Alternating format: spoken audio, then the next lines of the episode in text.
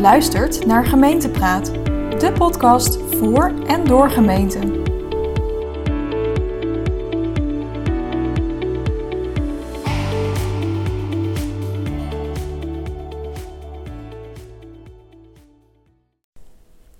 In de vorige aflevering spraken we over de missie en de vaak ontbrekende visie bij gemeenten.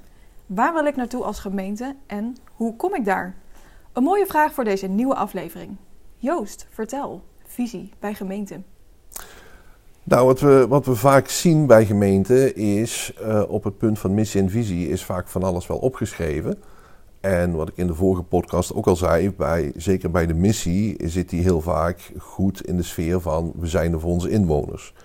Visie wordt een heel ander verhaal. En visie is ook iets wat je als een organisatie zou moeten doorleven door de hele organisatie. En daarom zeg ik over het algemeen van dat is eigenlijk het ontbrekende stuk. Ehm, ik weet uit ervaring, als ik bij een gemiddelde uh, gemeente binnenloop met, laten we zeggen, 250 medewerkers. Nou, als ik elke medewerker een euro zou moeten geven die uh, niet weet wat de visie van de gemeente is, nou, dan ben ik vrij snel arm. Laat ik het zo zeggen. En nou ja, het heeft er alles mee te maken met van, uh, als je die visie van waar wil ik naartoe en hoe kom ik daar, daar ligt eigenlijk zelfs nog één vraag boven. En dat is de vraag van wie ben ik? Wie wil ik zijn als gemeente? Wat voor soort gemeente wil ik zijn als gemeente? Of wil ik zijn? En nou ja, ik merk gewoon dat heel veel uh, gemeenten en heel veel besturen uh, daarmee worstelen. En wat vaak uh, grappig is, is dat je dus in een coalitieakkoord of in een raads, raadsakkoord, daar vind je ook allerlei zaken terug over missie en visie. Maar je ziet heel vaak dat dat al langzaamaan los begint te slaan van de ambtelijke organisatie. Op het strategisch, tactisch en operationele niveau. En strategisch zie ik vaak nog wel wat ankerpunten. Maar hoe meer ik naar de uitvoer kom, hoe verder het van elkaar loslaat. En dat geeft juist aan dat die hele doorleving van waar gaan we eigenlijk met z'n allen naartoe, ja, dat die er niet is. En dat is een probleem, want daar heb je dus in de uitvoering last van. Er is dus, ja, ja. iedereen doet misschien maar wat, even gechargeerd. Maar het zou helpen als er een hele duidelijke visie is, zodat iedereen helder heeft: hey, wat moet ik doen om te komen waar we naartoe willen? Uh, ja, zeker, omdat uh, die visie aan zich gaat jou uh, daarbij helpen. wat ik vaker doe bij gemeenten die ik op dit punt ondersteun, is dat ik bijvoorbeeld tegen een college of tegen een gemeenteraad zeg van oké, uh, we leven vandaag uh, op, uh, nou, noem het maar even, we zitten geloof ik op 14, 14 december vandaag. Visualiseer voor jezelf dat je nu op de fiets stapt, maar je fietst niet op 14 december 2023 door je gemeente, maar 2027. Hoe ziet jouw gemeente er dan uit? Wat is er dan in je openbare ruimte gebeurd? Welke gebieden zijn ontwikkeld? Maar gewoon heel concreet van hoe ziet dat er voor jou uit? Wat is jouw beeld daarbij? Want wat mensen heel vaak vergeten is, een visie is niks meer en niks minder dan jouw snapshot van de toekomst. En dat is waarvan jij zegt van nou, zo komt het eruit te zien. Dan kan je ook gaan bepalen van wat jouw bijdrage gaat worden om dat te bereiken. En is een visie altijd vier jaar? Of kan een visie ook langer zijn? Of... Een, een visie kan je, kan je op elke termijn vaststellen die je wil. Kijk, wat, wat ik een handig uh, uh, haakje vind voor bestuurders is koppel het aan je bestuursperiode en, en wat jij wil uh, bereiken in die periode. Maar je kan net zo goed een, een visie ontwikkelen voor 10 of over 20 jaar. Alleen hoe verder je die stip op die horizon gaat zetten, hoe meer dat je ook in, je, in, je, in het maken van je plannen nou ja, wel die horizon in het vizier moet blijven, blijven houden. En hoe minder oefening je daarmee hebt, hoe moeilijker het is om met hele lange visies, eh, termijnvisies te gaan werken. En dan hoor ik jou zeggen, ga een rondje op de fiets fietsen, uh, visualiseer dat. Uh, dan heb je het over alle openbare ruimtes, maar er gebeurt natuurlijk ook veel achter voordeuren. Ja. Kijk, uh, de makkelijkste slag is wat, wat, zie ik om me heen. En daar kan ik ook bij uh, uh, meteen bij verzinnen van wat zijn überhaupt de, de, ontwikkelingen in, in Nederland, in ons, in ons geval. en daar kan je bijvoorbeeld ook kijken van oké, we zitten met de elektrische auto die zijn opmars maakt. Dus ik zie straks ook in mijn gemeente veel meer elektrische laadpalen overal staan. Nou, wat doet dat met het straatbeeld? dat soort dingen. Daar kunnen mensen zich heel snel iets bij voorstellen. Daar kan je ook meteen aan koppelen van dat je dus in die visie die je hebt over het eruit ziet, ja, je hoeft niet overal een bijdrage aan te leveren. Je levert een bijdrage daar waar je kan. Het feit van die elektrische auto's en dat particuliere uh, laadpalen ergens neer gaan zetten en dat soort dingen, nou, daar heb je tot op zekere hoogte invloed op. Maar niet helemaal. Dus dat soort parameters neem je mee. Dan kom je bij de stap uit die jij net zegt van, nou ja, wat gebeurt er met mijn inwoners? Dat is nog uh, even een ander verhaal. Uh, in de zin van, dat zie ik niet tastbaar in mijn openbare ruimte. Dat betekent dat ik voor mijn visie terug moet gaan grijpen op van, wat weet ik van mijn gemeente? En het grappige is, tenminste, zo kijk ik er altijd uh, naartoe als je gaat bepalen wie je uh, als gemeente bent, wat voor een soort organisatie je bent, dan ben je als gemeente niks meer en niks minder dan een informatieverwerkend bedrijf. Alleen het ironische is dat informatiemanagement bij heel veel gemeenten in de kinderschoenen staat. Terwijl dat juist het eigenlijk het allerbelangrijkste is, is om ja, te hebben. Het is je core business. Mm -hmm. Dus op het moment dat jij aan de slag wil met het ontwikkelen van beleid. En in de vorige podcast hadden we het over zaken als uh, stuur op toegevoegde waarde van je beleid. Nou ja, als ik vandaag beleid wil gaan maken en ik wil iets uh, kunnen zeggen over van wat ik daar over die vier jaar mee wil bereiken. Nou, dan is het wel verrekte handig als ik historische data heb waar ik bijvoorbeeld ook trendanalyses uit kan halen. Maar die data is er toch? Gemeentes zitten op een schat met data. Het is alleen, uh, wat ik net al zei, uh, het informatiemanagement zelf staat heel erg in de kinderschoenen bij uh, gemeenten. Dus ze kunnen die data niet voor zich laten werken.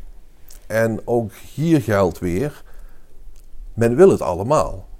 Een van de ontwikkelingen die heel erg in opkomst is bij gemeenten, is datagedreven werken. Alleen het jammere daarvan, maar dat is mijn mening is dat we dat ook weer heel erg aanpakken vanuit de gedachte van symptoombestrijding. Want wat gebeurt er namelijk? We zeggen dat we datagedreven willen werken. We doen dat op een bepaalde gegevensset die we binnen de organisatie beschikbaar hebben. En daar gaan we mee aan de slag. Maar we weten niet hoe het totaal van ons gegevenslandschap eruit ziet, om het even zo te noemen, van alle gegevens die we hebben.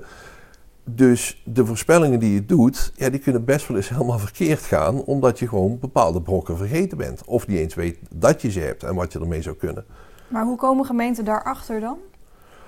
Feitelijk door heel simpelweg naar hun bedrijfsvoering te gaan kijken. Want op het moment als ik zeg van een gemeente is alleen maar een informatieverwerkend bedrijf, dan betekent dat dat al die informatie dus in je bedrijf zit, in je bedrijfsvoering. Wat een, een leuk voorbeeld is, uh, ik ben zelf uh, ooit begonnen in gemeenteland uh, op het gebied van procesbeschrijvingen. En in de afgelopen twintig jaar heeft elke gemeente op zijn minst drie keer zijn proces inkomen aanbesteding beschreven. Waarvan ik me sowieso altijd afvroeg van waarom moet dat drie keer? Want als ik het één keer gedaan heb, dat proces verandert niet zo, zo heel sterk, maar goed. Maar de gemeentes die het beschreven hebben, waar ze goed in zijn, als ik tegen hun vraag van nou, geef me je procesbeschrijvingen, dan krijg ik het overzicht van die processen. Maar als ik tegen die gemeente zeg van nou ja, geef me nou even het overzicht van de gegevensset die door die processen heen gaan, ja, dan kijkt iedereen me aan alsof ze de vraag niet begrijpen. Terwijl de gegevensset die door een proces uh, inkomen aanbesteding gaat, nou ja, de naam van je leverancier, het adres van je leverancier, uh, de, het product dat je gaat inkopen, allemaal dat soort zaken zijn allemaal gegevens. De slag die we daarbij ook nog moeten maken vaak is dat we mensen moeten gaan uitleggen van oké, als je een gegevensset hebt, dan heb je aan de ene kant het gegeven, maar op het moment dat ik daar kenmerkjes aan ga plakken, zodat het betekenis gaat krijgen, dan wordt het data. En op het moment dat ik die data ga interpreteren, dus hem ook ga gebruiken voor mijn beleid, ja, dan wordt het informatie. En dan ga ik het over informatiemanagement hebben. Maar dat betekent dus ook dat ik aan de voorkant al een schifting heb tussen van wat is nou een gegeven en wat is de data die ik heb. En alles wat ik alleen maar als gegevens heb, ja, dat hoef ik 9 van de 10 keer niet eens te gaan gebruiken. Ga je dat wel allemaal gebruiken omdat je niet beter weet, ook dan ga je prognoses die je maakt of analyses die je doet, ga je gewoon verstoren. Dus het is cruciaal dat gemeentes gaan begrijpen dat ze terug moeten naar hun basis om feitelijk, als zij zeggen van we willen de basis op orde brengen, dat betekent van oké, de bedrijfsvoering op orde brengen en de basis van mijn bedrijfsvoering is mijn informatiemanagement. Dus dat is eigenlijk wat jij bedoelt, want dat is een van jouw basiszinnen volgens mij. Hè? De basis moet op orde. Ja. Dat is iets wat we al twintig jaar terug horen bij gemeenten. Dat gaat dus eigenlijk over die informatievoorziening. Ja, en hoe organiseer ik die? En het, het, het jammere is dat die gewoon heel vaak heel gebrekkig is georganiseerd. En in elke ik ben nog nooit een gemeente tegengekomen waar geen medewerkers zijn die er geen verstand van hebben. Die zijn er gewoon. En ik zeg ook altijd voor, bij elke gemeente: 80% van wat je nodig hebt, heb je in huis. De 20% die ontbreekt is nou ja, dat je gewoon af en toe uh, nou ja, misschien zo'n people als mij nodig hebt om te zeggen van ja, structureer dat nou even makkelijk. En je kan het ook zo en zo doen en dan gaat het sneller. We hebben het in de vorige podcast bijvoorbeeld ook gehad over die rechtmatigheidsverantwoording en aantonen dat je voldoet aan wet en regelgeving. Nou, dat is niks anders dan aantonen dat de gegevens die door jouw organisatie zijn gaan nou ja, uh, banjeren, om even zo uit te drukken, ja, dat die voldoen aan wet regelgeving. En dat die op de juiste manier zijn ontsloten en dat die op de juiste manier zijn beveiligd en dat je er op de juiste manier gebruik van maakt. Dat is het hele eieren eten. Alleen, ja, dat blijkt heel erg lastig te zijn. En wat doen we nu voor die verantwoording? Nu gaan we heel reactief achteraf kijken, dan heeft er al iets plaatsgevonden. Dat gaan we terugredeneren naar zijn oorsprong of het wel langs alle juiste piketpaaltjes is geweest. Het enige wat je daarmee realiseert is dat je inzicht krijgt in wat er fout was en wat je eventueel kan repareren. Maar juist als je informatievoorziening goed staat en je weet hoe die informatiestromen lopen, ja, dan kan ik ze aan de voorkant gaan beheersen. En dan kan ik ook aan de voorkant mijn aanpassingen gaan doen. En dan kan ik ook fouten voorkomen in plaats van dat ik ze aan de achterkant moet repareren. En dat is weer wat men bedoelt van we willen die betere management- en stuurinformatie. Ja, want als ik jou zo beluister, uh, ik weet dat een van jouw verlangens is hè, de inwoner echt weer ja, op één uh, centraal, nou ja, net hoe je het uh, wil noemen. Uh, en toch, als ik jou dan nu zo hoor praten, dan denk ik, jeetje, waar is de inwoner dan in dit verhaal? Want ik hoor je eigenlijk over informatie, over cijfers, over data. Ja. Hoe, hoe rijm ik dat? Nou, eigenlijk is dat heel simpel. we, hadden het in het, we zijn gestart natuurlijk door te zeggen van oké, met die visie van hè, dat, dat openbare ruimte, daar kijk je naar, dat, dat is tastbaar die inwoner zelf, die zit eigenlijk verborgen in die informatie. Op het moment dat ik namelijk zeg van ik wil uh, met mijn armoedebeleid aan de slag. Je zou uh, heel makkelijk kunnen redeneren of vaak wordt zo geredeneerd van oké, we kijken van hoeveel mensen uh, bij ons in de gemeente uh, onder de armoedegrens vallen. Nou, laten we even een beetje gechargeerd zeggen van dat is 10%. Dat is even makkelijk met de, met de getallen dan zou ik kunnen zeggen van nou ja, ik wil dat over vier jaar moet dat percentage voor mij gehalveerd zijn. En om dat te gaan halveren gaan we allerlei producten aanbieden om die mensen te helpen met uh, schulphulpbestrijding, allemaal dat soort zaken. Maar wat je dan eigenlijk doet, is dat je redeneert vanuit het feit van ik ga producten aanbieden die die mensen zouden moeten helpen. Uh, en dan ga ik het wel vanzelf terugdringen. Maar nu komt hij over vier jaar, je inwoneraantal is enorm gestegen om de een of andere reden. Er is een hele grote werkgever in de buurt uh, gestart en die heeft allemaal mensen uh, in je, naar jouw omgeving getrokken. Maar er zijn ook een aantal mensen nou ja, die hebben last gehad van het feit van dat een, een onderdeel van, die, van dat nieuwe bedrijf is failliet gegaan. Dus nou, die zitten in de problemen. Je hele percentage is omhoog geknald als je het gaat bekijken op bepaalde absolute aantallen.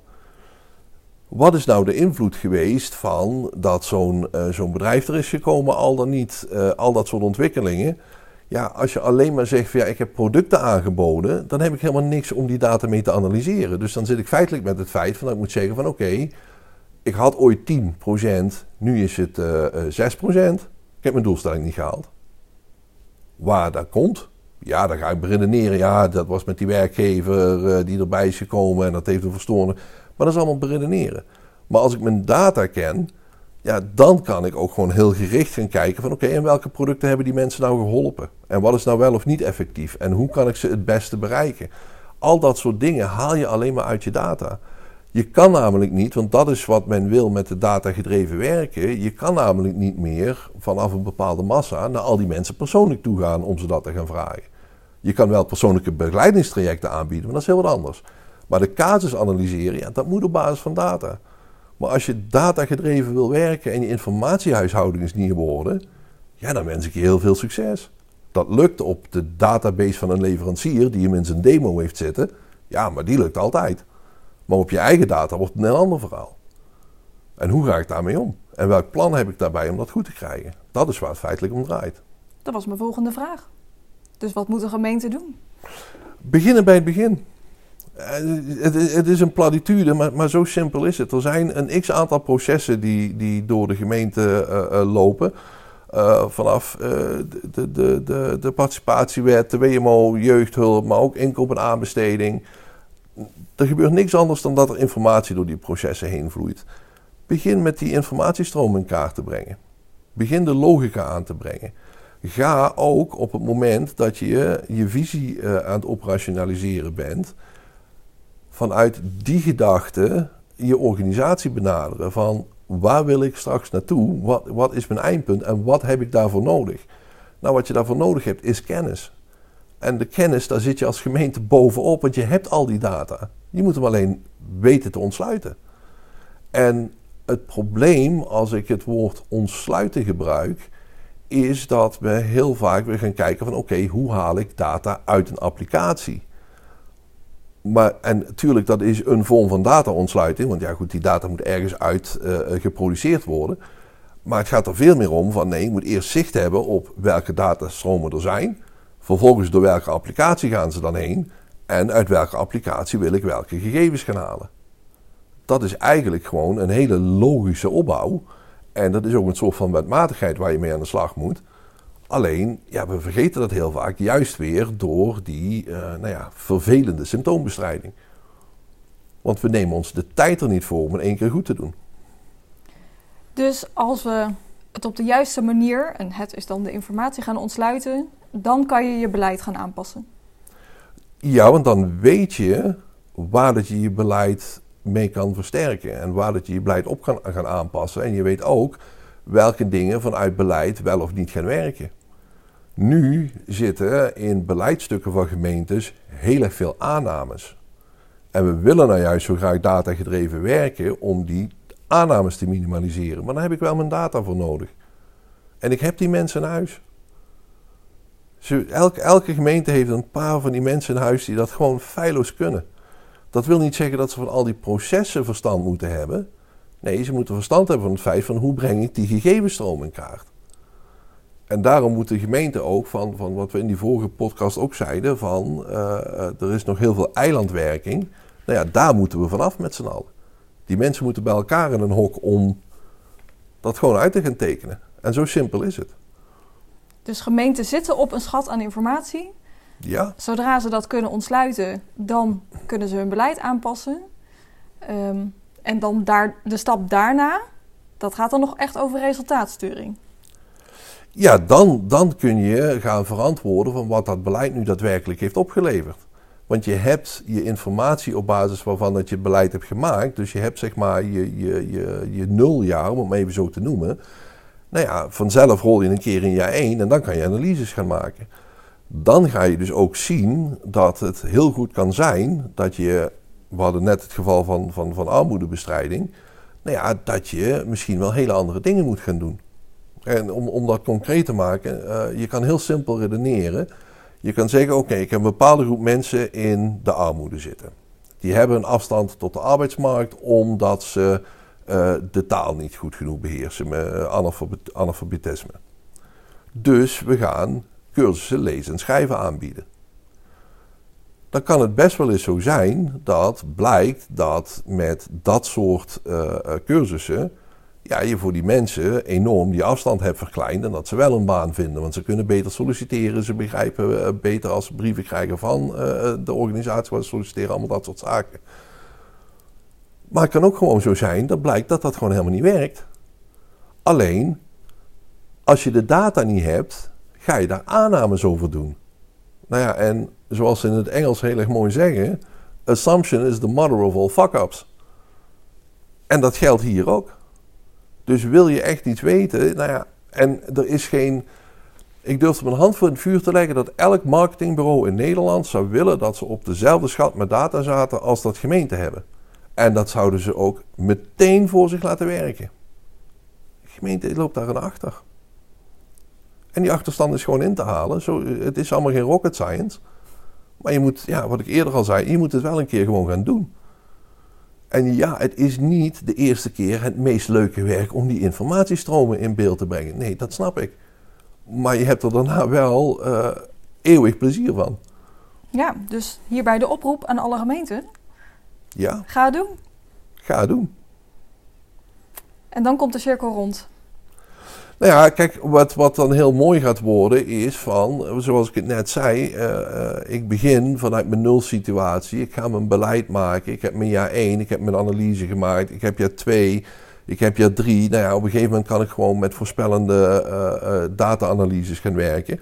Maar ik kan ook de voordelen die ik heb volledig gaan uitnutten. Ik heb mijn bedrijfsvoering loopt sowieso vele malen efficiënter. Want we zijn nu in heel veel gevallen gewoon ontzettend veel tijd kwijt om überhaupt die gegevens of die informatie te gaan zoeken. Los even van dat we nog niet eens weten of we gegevens of data aan het zoeken zijn. dat soort dingen. Ehm, maar bestuurlijk, ik kan nou ook gewoon als bestuurder verantwoorden aan mijn inwoner wat het beleid daadwerkelijk heeft opgeleverd.